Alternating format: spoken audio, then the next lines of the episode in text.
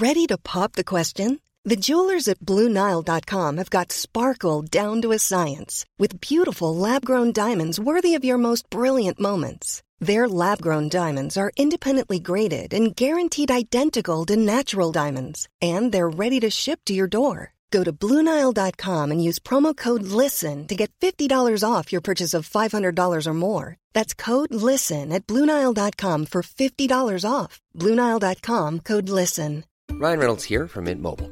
With the price of just about everything going up during inflation, we thought we'd bring our prices down. So to help us, we brought in a reverse auctioneer, which is apparently a thing. Mint Mobile unlimited premium wireless. Ready to get 30, 30, bit to get 30, bit to get 20, 20, 20, bit to get 20, 20, bit to get 15, 15, 15, 15 just 15 bucks a month. So, Give it a try at mintmobile.com slash switch. $45 upfront for three months plus taxes and fees. Promo rate for new customers for limited time. Unlimited more than 40 gigabytes per month. Slows. Full terms at mintmobile.com. Planning for your next trip? Elevate your travel style with Quince. Quince has all the jet setting essentials you'll want for your next getaway, like European linen, premium luggage options, buttery soft Italian leather bags, and so much more. And is all priced at 50 to 80% less than similar brands. Plus, Quince only works with factories that use safe and ethical manufacturing practices. Pack your bags with high-quality essentials you'll be wearing for vacations to come with Quince. Go to quince.com slash pack for free shipping and 365-day returns. Tja Jonas, Tjena. nu kör vi igen. Yes. Prata lite resor. Ja. Du, eh, vi ska idag prata om flygbolagens samarbetsavtal. Ja. Varför ska vi göra det? Eh, det är väl en sån fråga som ofta dyker upp lite grann om hur flyg- flygbolagen samarbetar och vilka typer av samarbeten som finns Ja. och hur de här samarbetena skiljer sig åt. Och eh, det kan vara lite av en djungel faktiskt. Man har ju dels det här med eh, allianser har ju ganska många koll på. Ja, Men sen finns det lite fler. Precis. Det finns ju det här med interline och coacher och joint ventures. Ja, det. vi ska väl inte bara gå igenom de olika typerna av samarbetena och vad de innebär. Och vad de innebär för resenärerna och sådär. Ja, resenären och för flygbolaget. Okej, bra. Och du, eh, jag tänkte, vi har ju Chatflights Plus som vi pratar om i varje podd, men jag tänkte istället att vi skulle bara berätta lite om vårt, eh, vår gruppchatt. Just det. Ehm, den lanseras här om en vecka ungefär, fullt ut. Det är ju en rätt bra grej. Ja, Vad, vad, vad är det vi har byggt? Uh, nej, men det är att du kan bjuda in flera användare till samma chatt om ni ska planera en resa till exempel. Ja. Om det är till exempel familjen som ska åka till Costa Rica, då kan ju bjuda in både frun och kanske barnen Ja. och chatta. De som använder det här mest just nu är eh, våra företagskunder. Ja, Eh, och de använder det här för gruppresor, för konferenser och den typen av grejer. precis. Och, och vi utvecklar ju det här för att vi tyckte att liksom, när man jobbar med det här via e-mail så blir det sådana här e-mailmonster. Ja, Och då eh, tänkte vi att det är bättre att eh, folk får in och chatta istället. exakt. Och sen är det även väldigt bra när man ska betala för resan för då kan ju alla betala med sitt eget kort. Ja, Det vill säga om man, låt säga att jag hade bokat en resa med mina kompisar och jag tar allt på mitt kort. Mm. Då vill ju dels folk ha poängen och vill även bli täckta av sin reseförsäkring. Ja. Så att ehm, det är en väldigt fin funktion. Så nu kan man få personlig service i en chatt där man bjuder in flera och sen så kan vi då, man, man får hjälp att boka saker, eh, alla möjliga resor, inte bara för poäng då. Ja, Ehm, och eh, ja, och det är hotell och transfers och allting. precis. Och vi kan även hjälpa till att dra poäng från olika konton. Om, om det ska vara liksom ett gäng som åker på en bonusresa. Då är den här gruppchatten väldigt bra för det. Ja, det är bra. Ni kan, om ni vill testa det här så kan ni be er agent att bjuda in er till en grupp, men annars om en vecka ungefär så kommer funktionen fullt ut så att man själv kan skapa grupper och sånt där. Det ska bli spännande att se hur det blir. Ja, väldigt. Ja. Åter till flygbolagssamarbeten. Ja, Ehm, vad, för du sa innan att det, liksom, det är ju många som undrar om det här, vad det innebär för min resa om jag ja, till exempel köper en, en, jag kan ju köpa en Finnair-biljett som egentligen genomförs av American Airlines. ja exakt. Eh, och då blir man ju lite, kanske lite vilsen i det här och undrar vad det innebär och sådär.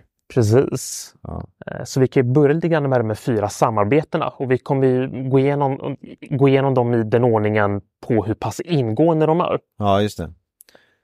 Exakt, så det minst ingående kommer först. Ja, Ja, ja. Och det är vad interline-avtal kallas det. precis. Okej, så vad, vad, vad är det för något? Ett interline-avtal det är ju ett, egentligen ett avtal bara mellan flygbolagen att kunna transportera passagerare på varandras flygningar. Jo. Så det, här, det här innebär ju då att um, flygbolagen kan ställa ut biljetter på varandras eh, flyg. Ja. Eh, man kan checka in bagage på varandras flygningar, man kan få ut boardingkort på varandras flyg och så vidare. Så det är egentligen det mest basala samarbetet. Ja. Eh, och vi kan ju ta ett exempel som SAS till exempel. Mm. På SAS kan du boka resor med American Airlines på deras hemsida. Det är rätt ganska- intressant. Det är lite märkligt för att det är två olika allianser och de har liksom ingenting att göra med varandra. Men just för att de har ett interline-avtal så kan du boka en SAS-biljett till till exempel St. Louis. Ja, Och eh, då flyger du till eh, kan vi säga Chicago och sen Ja. så byter du till American Airlines. men då flyger ju SAS till, Chica- till Chicago. Ja, exakt. Men innebär inte line-avtal, jag menar i teorin innebär det ju att jag också kan bara via SAS boka ett American Airlines flyg inom USA utan att det ens finns ett SAS-ben. Nej, inte riktigt utan i det fallet så är det oftast i kombination med en SAS-resa. Ja, Så man kan inte boka flygningar hur som helst via bolagens kanaler. nej inte hur som helst. Men, Nej. men, men för jag sa i teorin, i praktiken är det ju inte så för du, du, det gör det ju inte såklart. Men, Ja. men om man hade velat ha rätt verktyg för det skulle man då kunna via SAS så att säga boka ett American Airlines flyg inom USA. Det skulle man säkert kunna göra om man lyckas få det på en IATA-biljett och ställer ut den på SAS biljettnummer. Men det är nog en ganska dyr och komplicerad process. Men det är inte det som är grejen här, utan grejen är ju att SAS gör ju det här för att kunna kombinera in olika resor så att man faktiskt kan ta sig till en destination. Ja, exakt. Ja. Och eh, det här med interline-avtal, det är ju delvis när man bokar resor så är det ju bra, men det mest användbara är när, när någonting går fel på resan. Ja, just det. För att vi alla hört till exempel nu under SAS-strejken förra sommaren så var det ju många då som blev ombokade till andra flygbolag. Till exempel British Airways. Ja, Eh, Så SAS och BA de har ju i princip inget gemensamt. De är ju konkurrenter. ja, Men just för att de har ett interline-avtal så gick det då att boka om en SAS-passagerare på ett British Airways-flyg till New York till exempel just nu under den här strejken. Och eh, vice versa. Hur vanligt skulle du säga att interline-avtal är? Liksom? Det, det finns ju väl kors och tvärs i princip genom alla flygbolag. Ja, jag skulle säga att det är väldigt vanligt faktiskt för att de flesta flygbolag har ju väldigt många interline-avtal. Ja, Och det är oftast liksom ett ja, dussintal flygbolag, jag skulle säga 20-30. ja, Och eh, till exempel de som reser på ID-biljetter, alltså personalbiljetter. ja, Eh, där har ju till exempel SAS-anställda kunnat åka på Qatar på de här personalbiljetterna för att de har interline-avtal med dem. Heter det ID-biljetter? Ja, Industry Discount. Ja, just det. Precis. Så det är ju en väldigt fin förmån för dem. Men sen finns det väl vissa flygbolag som i princip inte håller på med interline-avtal? Eller? Hur är det med Eh, Ryanair till exempel? Precis, där har jag för mig att de inte håller på så mycket med det utan det är vanligare bland lågprisbolag att de inte håller på med interline och sånt där. Nej, och det betyder ju att liksom när någonting går fel på ett Ryanair-flyg så, så sitter det ju, den enda möjligheten du har att lösa det här är att ta ett annat Ryanair-flyg. Ja, eller köpa en ny biljett. Ja, precis. Eh, Norwegian, de har ju interline-avtal med SAS. Det har de ja. Ja, Men har jag, är det inte så att, inte, att Norwegian har, har lite färre interline-avtal? Eh, precis. För att Ryanair och Wizz Air, de har ju något annat system där de inte ställer ut på biljettnummer. Nej. Utan de har ju, vad kan, det kallas för biljettlöst resande, det vill säga att du bara har en bokningsreferens och that's it. Just det. Och det är då man bara är begränsad till det egna flygbolaget. Ja.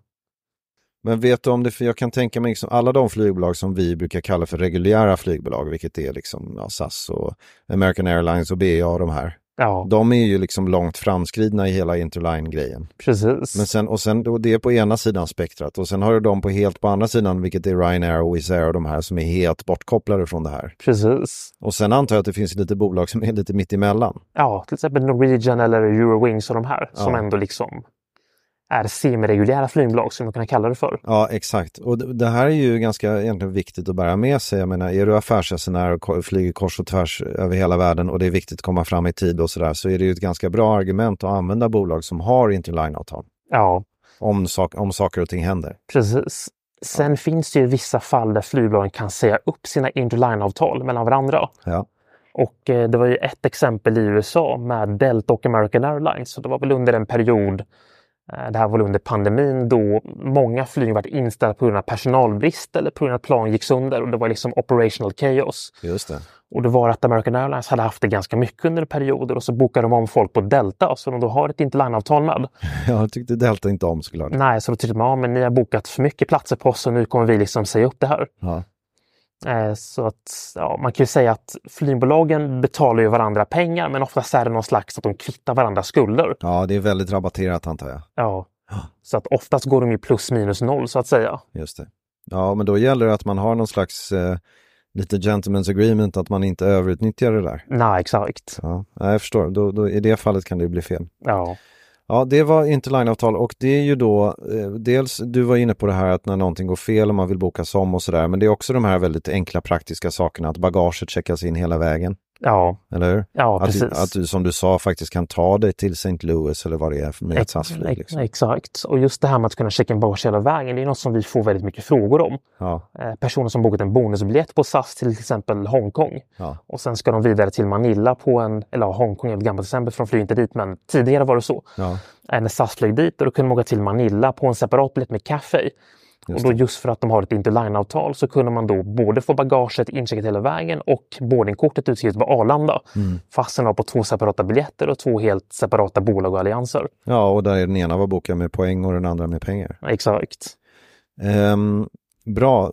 Finns det någonting annat som ingår i det här interline-avtalet? Till exempel jag tänker på att man tjänar poäng i varandras flyg, flygningar och sådana saker. Eh, nej, utan då får man lägga in eh, till exempel om man ska flyga vidare med kaffe från ett Star Alliance-flyg. Då får man ju be incheckningsagent att lägga in rätt bonusprogram under rätt segment. Just det. Så att eh, där får man hålla lite koll och i värsta fall får man efterregistrera poängen.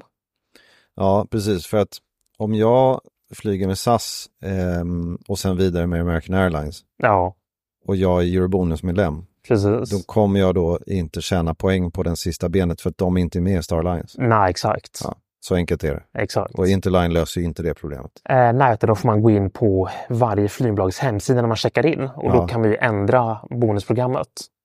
Ja, det kan man göra, men, men på American Airlines-benet så tjänar jag väl inga Eurobonuspoäng, utan då får jag lägga in mitt American Airlines-kort där så. Ja, exakt. Ja, exakt.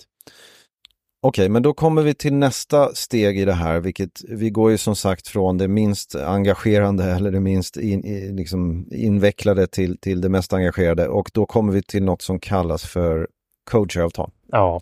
Så vad är det som händer nu då? Vad är skillnaden här? Eh, coacher, det innebär ju då att flygbolagen placerar sina flightnummer på varandras flygningar. Ja, Eh, så vi kan ju ta exempel mellan eh, SAS och eh, Singapore Airlines. De har ju ett coacheravtal just det. och det innebär att, eh, låt säga att jag vill åka Arlanda till eh, Singapore via Köpenhamn. Ja, Då kan jag boka hela resan antingen som SAS-coacher eller som SQ-coacher. SAS är SK Ja, och, och Singapore Airlines är SQ. precis. Så Ja. då till exempel het, bokar man den på SAS hemsida så heter det då Arlanda Köpenhamn till exempel SK1461. Just det. Och sen kommer ju då Köpenhamn-Singapore heta SK8001. Det vill säga det blir ett SAS-flightnummer på det där Singapore Airlines-flyget. Okej, och det är intressant då. Så, och varför väljer man nu att göra så här? Varför man gör det, det är för att kunna sälja biljetter via sina kanaler på ett lite mer förenklat sätt. Fast man kunde ju i, i det här förra eh, in- interline-avtalet, Ja, då kunde man ju också göra det. Men vad är Precis. skillnaden nu då? Skillnaden nu är väl att flygbolaget då som har sitt flightnummer på coacher får en lite större del av kakan. Ja, Okej, det kanske bara är ett mer avancerat avtal eh, Precis. där man får, okej, man, man tjänar mer säkert. Ja, de tjänar lite mer. Ja, Ehm, för kundens, just det, och man tjänar lite mer och sen så har ju då flygbolagen chansen att kunna styra lite mer över priserna.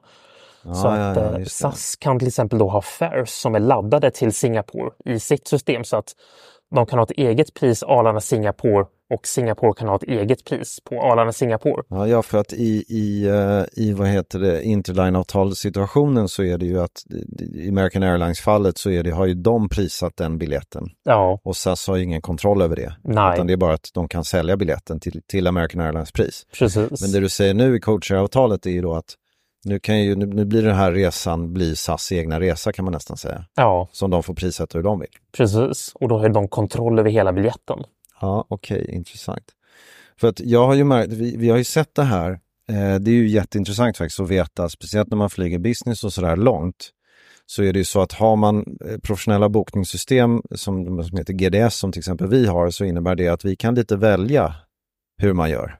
Mm. Så att om, om det går ett flyg då från, från Stockholm till någonstans i USA eh, och vi har, visst, har, har SAS ett coach, nej, Vilka är det nu? Det är Finnair som har coacheravtal med American Airlines. Eh, precis, de har ju joint venture men det kan vi komma till senare. Men de Det har ju coachers på sina flygningar. Exakt, och då har vi sett att, att beroende på hur man, vi- vilket prefix då, vilka, vilken kod man använder så är det olika priser på de här biljetterna. Ja, Det är ju rätt så fiffigt. det är väldigt fiffigt och eh, det har även en ganska viktig del när det kommer till poängen.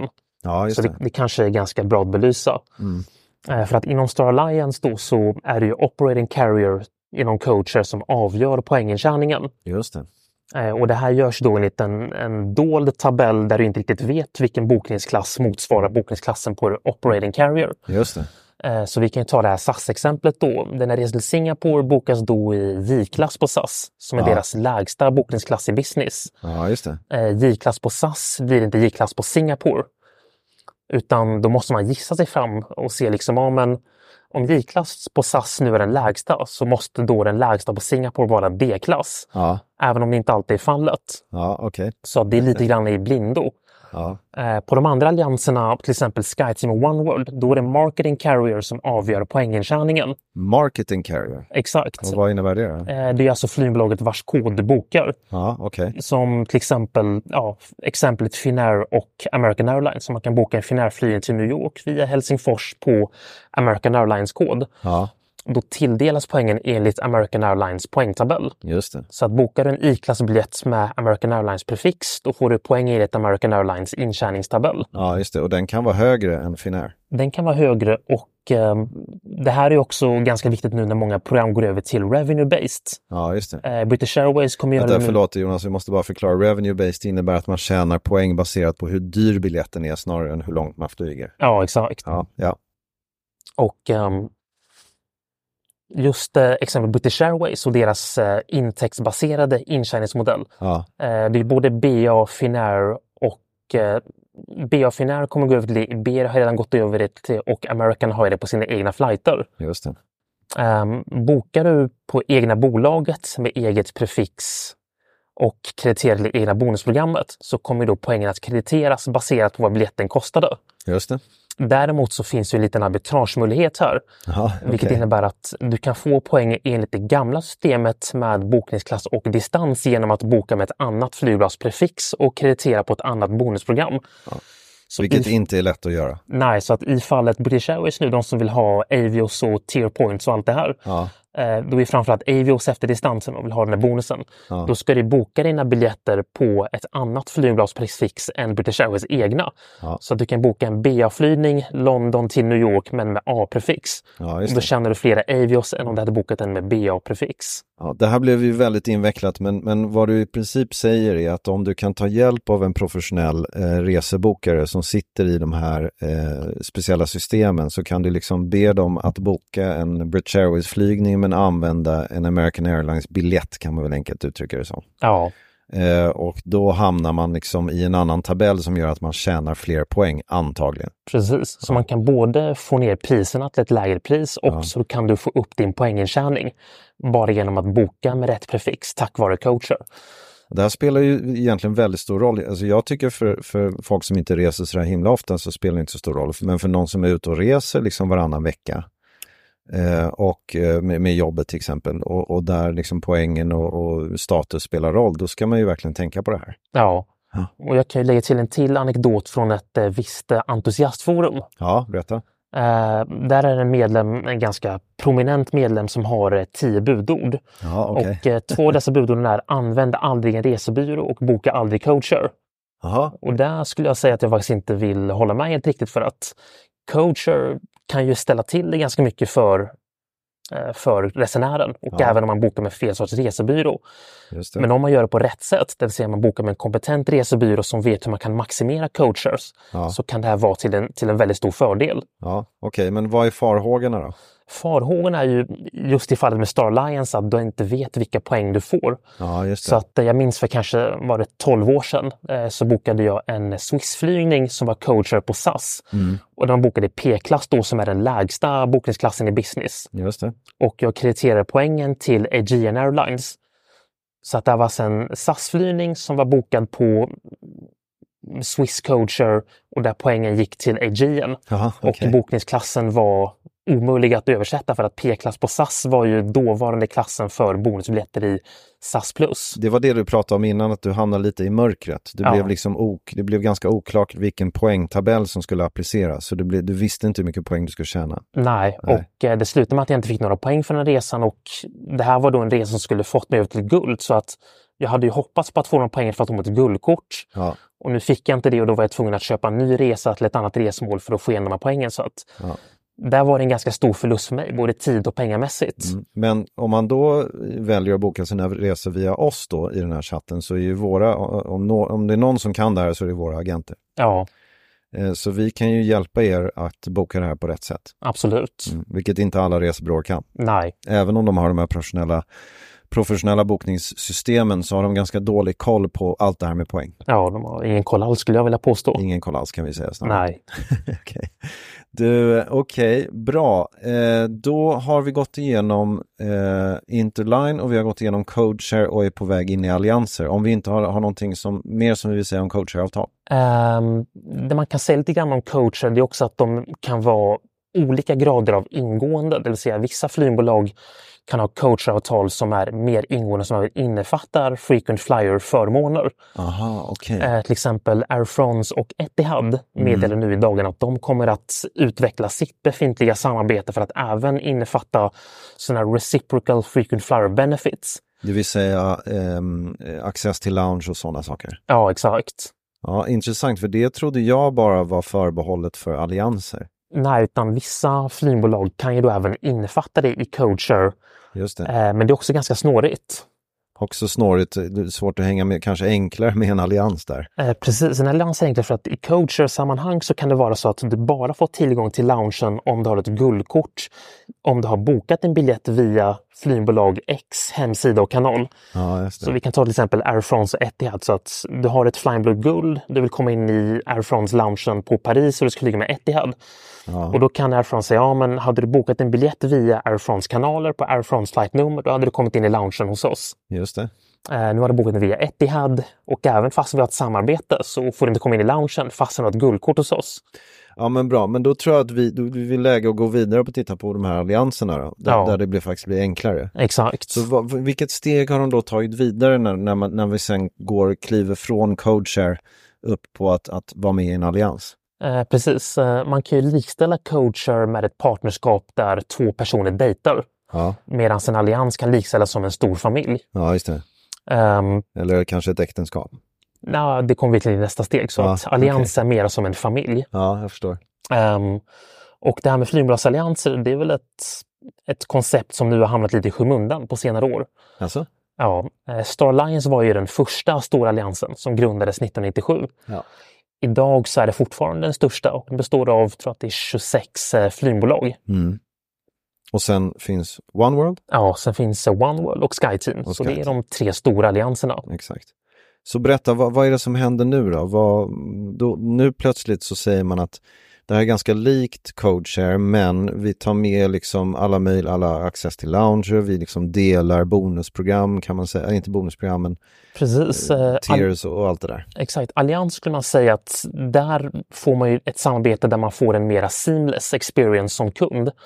Ja, Det det. vill säga du kan tjäna och använda poäng på alla flygbolag och alla bonusprogram lite hur som helst. Just det. Ehm, och du har tillgång till lounger och förmåner på alla flygbolag och bonusprogram hur som helst så länge det är inom alliansen. Ehm, vilket är väldigt bra för kunden för att det förenklar det väldigt mycket för kunden. Och eh, du kan även liksom plocka russinen ur kakan. Så om du har eh, Eurobonus guld så är det att likställa med senator och du sa någonting om arbitrage och sådär. Precis, så att eh, allianser skapar väldigt goda arbitragemöjligheter för kunden, både när det kommer till att nå status men även till att boka bonusresor. Ja, just det. Eh, Så att man kan ju både få liksom lättare att nå status, som till exempel Eurobonus, där du kan få ett guldkort genom att ha två kreditkort. Ja, Eh, Och även när det kommer till att boka bonusresor, till exempel du kan använda ett program som har en lägre poängtabell eller lägre skatter och avgifter genom att boka ett annat flygbolags bonusresor. just det. Ja, bra. Så, så där har vi liksom hela ehm, att, att nå en viss nivå, alltså tiers, eh, guld och så vidare och sen så har du bonusresor och sen så vad har du mer då som liksom ingår i de här allianserna? Du har ju då som sagt access till lounger och sånt där. Ja, Men det, det ingår ju i själva statusen. Precis. Ehm, är det någonting mer som är liksom mer avancerat eh, som, som påverkar vilka flyg man kan köpa och så vidare? Eh, nej, utan inom alliansen så har ju då flygbolagen även coacher, samarbeten och joint venture och så vidare. Så att eh, inom samma allians så kan det ju förekomma konkurrerande flygbolag. Det. Och det har ju skapat lite intressekonflikter mellan Ja. vissa flygbolag. Det är inte helt smärtfritt. Nej, till exempel Lufthansa och Turkish hade ju en ganska stor eh, dispyt för ett par år sedan. Ja, vad handlar den om? Eh, det var ju att Lufthansa anklagade Turkish för att expandera för hårt på deras hemmamarknader. Ja, just det. Så att eh, Turkish eh, flyger till många småstäder i Tyskland, alltså sekundära städer till Istanbul Ja, eh, för anslutningar vidare, till exempel eh, Stuttgart och alla de här ställena. just det. Eh, och det tyckte då Lufthansa var lite för mycket konkurrens, att de liksom inkräktade sig för mycket. Ja, Så att det Lufthansa då ville göra var att de ville försöka stänga ut Turkish så mycket, så mycket det gick. Och det gjorde de främst genom att reducera antalet statusmiles du tjänade med Miles and More på Turkish egna flighter. jaha, gud, då gick de in och bråkade på det sättet. Ja, och eh, grejen var att eh, du tjänade även mera Miles and More miles eh, om du krediterade Turkish flygningar Ja, än vad du gjorde om du krediterade dem till Turkish egna program, Miles and Smiles. just det. Så att även där fanns ett incitament att en, en tysk som flög mycket med Turkish gynnades av att lägga sina Turkish flighter på Miles and More Ja, än att lägga sina Turkish flighter på Miles and Smiles och så vidare. ja det. Ehm, så även där har liksom blivit ganska mycket bråk och arbitrage. Och Miles and More är ju Lufthansa och Miles and Smiles är Turkish. Ja, exakt. Ja, okej. Ja, eh, Så det är väldigt invecklat det här, Ja. ja, jag förstår. lite svårt att hålla koll på. Men du, slutligen då så kan vi ju ganska kort egentligen prata lite grann om joint venture. Okej, så, så berätta, vad är joint venture då? Vad har jag för exempel på det? Ett joint venture kan ju då likställas som ett äktenskap mellan två eller flera flygbolag. Ja. Ehm, och eh, joint ventures förekommer då oftast mellan, inom olika marknader. Mm. Till exempel Lufthansa-gruppen har ju joint venture med Air Canada och eh, United Okej, på flygningar över Atlanten. Det ja. kallas för Star Alliance Transatlantic Joint Venture. Mhm. Eh, och Lufthansa-gruppen har även ett joint venture med ANA på flygningar mellan Europa och Japan. Så vad innebär det här nu då? Det här innebär ju då att eh, flygbolagen i joint venture-samarbetet koordinerar sina bokningsklasser och sina priser Ja. och även sina tidtabeller till en stor del. Ja, de koordinerar dem så att de är liksom, det här problemet du hade innan med P-klass, inte P-klass, det, det är löst då? Ja, det är samma klass mellan alla flygbolag. Okej, och vad var det mer de koordinerade? Eh, då är det även sina tidtabeller, till exempel att eh, mellan, vi kan säga till exempel mellan Frankfurt och Tokyo. Ja, just det. Du har ju då ANA en avgång klockan 11.30, Lufthansa har en klockan 13.30 och sen så Mm. det. har ANA en till avgång klockan 20.45. Ja, så de inte liksom konkurrerar för mycket så att säga? Nej, exakt. För att i många fall när flygbolag konkurrerar på en rutt så har de med avgångarna i princip samtidigt. Mm, just det. Det vill säga att ANA och Lufthansa flyger samtidigt för att de vill konkurrera. Men i, i det här fallet så har de ju flera avgångar utspridda på dygnets alla timmar för att maximera anslutningsmöjligheterna. Det, påminner lite om kartellbildning måste jag säga. Det är lite kartellbildning så att många av de här joint venture-samarbetena, det krävs ju liksom myndighetsgodkännande Ja, för att de ska kunna få existera. Så EU kan säga nej? Ja, de kan säga nej. Alltså, eller ja, de lokala myndigheterna kan ju då neka de här samarbetena. Ja, just det. För det hindrar konkurrensen. Ja, och nu senast så var det ju American Airlines och JetBlue som hade ett eh, joint venture som vart eh, nekat. Ja, just det. Som de nu var tvungna att eh, avsluta. Ja. Och det var just för att de liksom hindrade konkurrensen. Och mycket i det här var ju för att JetBlue ville köpa upp eh, Spirit Airlines i USA. Ja. Så att det skulle bli för lite konkurrens och då sa myndigheterna nej. Och då fick de både nej på att samarbeta med, Ameri- med American och även nu på att köpa upp Spirit som är, är liksom pending. Men du, intressant. Det här är lite grann ur flygbolagens perspektiv, men ur kundens perspektiv då? Vad, vad ser du för fördelar där? Det är väl samma sak det här med frequent flyer-förmåner att är de inom samma allians så fungerar det ganska problemfritt. Ja. Du får ju dina förmåner oavsett. Just det. Ehm, men om de är i olika allianser som till exempel nu United och eh, Emirates har ju ett joint venture. Mm. eh, där, de då, där det var mycket snack om att eh, man skulle kunna få reciprocal benefits på Ja. flygbolagen. Du skulle kunna tjäna och använda poäng på varandras flygningar. Just det. Eh, det har inte riktigt materialiserats. Nej, utan det är lite mer på idéstadiet. Ja, så att det är fortfarande det här med joint venture, det är fortfarande då till flygbolagets fördel mer till kundens fördel. Ja, exakt. Ja. Eh, Så det blir som en slags kartellbildning med att flygbolagen har ju då all kontroll över priserna. De kan ju sätta vilka priser de vill och det blir mindre konkurrens för kunden. Mm. Så att när det är konkurrens blir det lägre priser och ja, det är bättre för kunderna helt enkelt. Men det är intressant för jag tänker lite ur kundernas perspektiv så känner jag liksom det som är kanske mest upplysande här är ju dels allianserna, hur de fungerar. Men det har ju folk ganska bra koll på. Ja. Eh, men, men, men det som, som jag tror att många, som jag tycker att många ska lägga märke till här är just det här med att du kan använda andra prefix och, och därigenom tjäna mer poäng eller färre poäng och också få andra priser på dina biljetter. Ja, exakt. Den är intressant tycker jag. Precis. Och sen kan jag även lägga till lite grann med SAS och eh, Singapore, för de Ja. har ju ett joint venture mellan Skandinavien och, eh, och Singapore. Ja, Det här samarbetet har jag för mig invecklades ganska mycket runt 2018-2019. okej så det är ganska nytt. Eh, Det är relativt nytt, även om det fick liksom en liten paus där under pandemin. Mm. Eh, Innan 2018 så kunde SAS eh, inte boka Singapore-flighter i business på long haul. Okej, Utan Singapore är ju då väldigt restriktiva med att ge vissa flygbolag tillgång till de här bonusplatserna. just det. Eh, Men i samband med det här joint venture-samarbetet så fick ju då SAS tillgång till de här bonusplatserna. Mm. Så då kunde SAS helt plötsligt boka business class mellan Köpenhamn och Singapore eller first class mellan Köpenhamn och Singapore som var väldigt populärt. Men det försvann ju rätt fort alltså. Eh, precis, det försvann ju då under pandemin så att det här var ju ganska kortlivat men det var ju en väldigt fin möjlighet som öppnades upp. Ja, ja okej, och du, prat, du, du menar att liksom joint venture kan vara väldigt bra för, em, för kunden i vissa sammanhang? Ja, i det här väldigt sällsynta sammanhanget. Ja, exakt. Eh, nu efter pandemin så har ju då SAS och Singapore inte nått riktigt avtal mellan vad de ska kompensera varandra för bonusplatserna. SAS kan fortfarande boka platserna och Singapore släpper platserna till SAS men Singapore vill ju ha eh, ett ganska, de vill ju ha marknadspris mer eller mindre för de platserna. Ja, Vilket innebär att SAS inte vill betala det. just Och det. därför säger SAS ifrån till sina medlemmar att nej, men ni får inte boka de här platserna. Ja. Även om Singapore då släpper dem till SAS. Och att SAS då i praktiken kan boka dem. Mm. Eller teorin. Okej, Så att det är väldigt invecklat och ja, vi kan ju säga att joint ventures är ju mera till för flygbolagen mer än, än för kunden. kunden. Liksom, ja, Exakt, exakt. Ja, okej. Nej men intressant. Det här var ett kul avsnitt tycker jag. absolut. Eh, det finns nog mer att säga om det här. Ja, vi kan ju snacka hur länge som helst om det. Men, Vi kanske, har, vi kanske återkommer med ett nytt avsnitt som bara handlar om CodeShare eller något sånt där. ja, exakt. Vi får väl se. Men du, eh, vi säger väl det då. Ja, Ja, tack för idag. tack själv. Hej. Ciao. Hi, I'm Daniel, founder of Pretty Litter. Did you know cats tend to hide symptoms of sickness and pain? I learned this the hard way after losing my cat, Gingy. So I created Pretty Litter, a health monitoring litter that helps detect early signs of illness by changing colors, saving you money and potentially your cat's life. Pretty Litter is veterinarian developed, and it's the easiest way to keep tabs on your fur baby's health right at home. Go to prettylitter.com and use code ACAST for 20% off your first order and a free cat toy. Terms and conditions apply. See site for details. Hey, it's Paige DeSorbo from Giggly Squad. High quality fashion without the price tag. Say hello to Quince.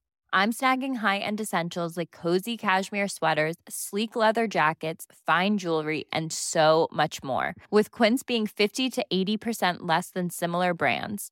And they partner with factories that prioritize safe, ethical, and responsible manufacturing. I love that. Luxury quality within reach. Go to quince.com slash style to get free shipping and 365 day returns on your next order. Quince.com slash style. Mom deserves the best, and there's no better place to shop for Mother's Day than Whole Foods Market. They're your destination for unbeatable savings, from premium gifts to show-stopping flowers and irresistible desserts. Start by saving 33% with Prime on all body care and candles. Then get a 15-stem bunch of tulips for just $9.99 each with Prime. Round out Mom's menu with festive rosé, irresistible berry chantilly cake, and more special treats. Come celebrate Mother's Day at Whole Foods Market.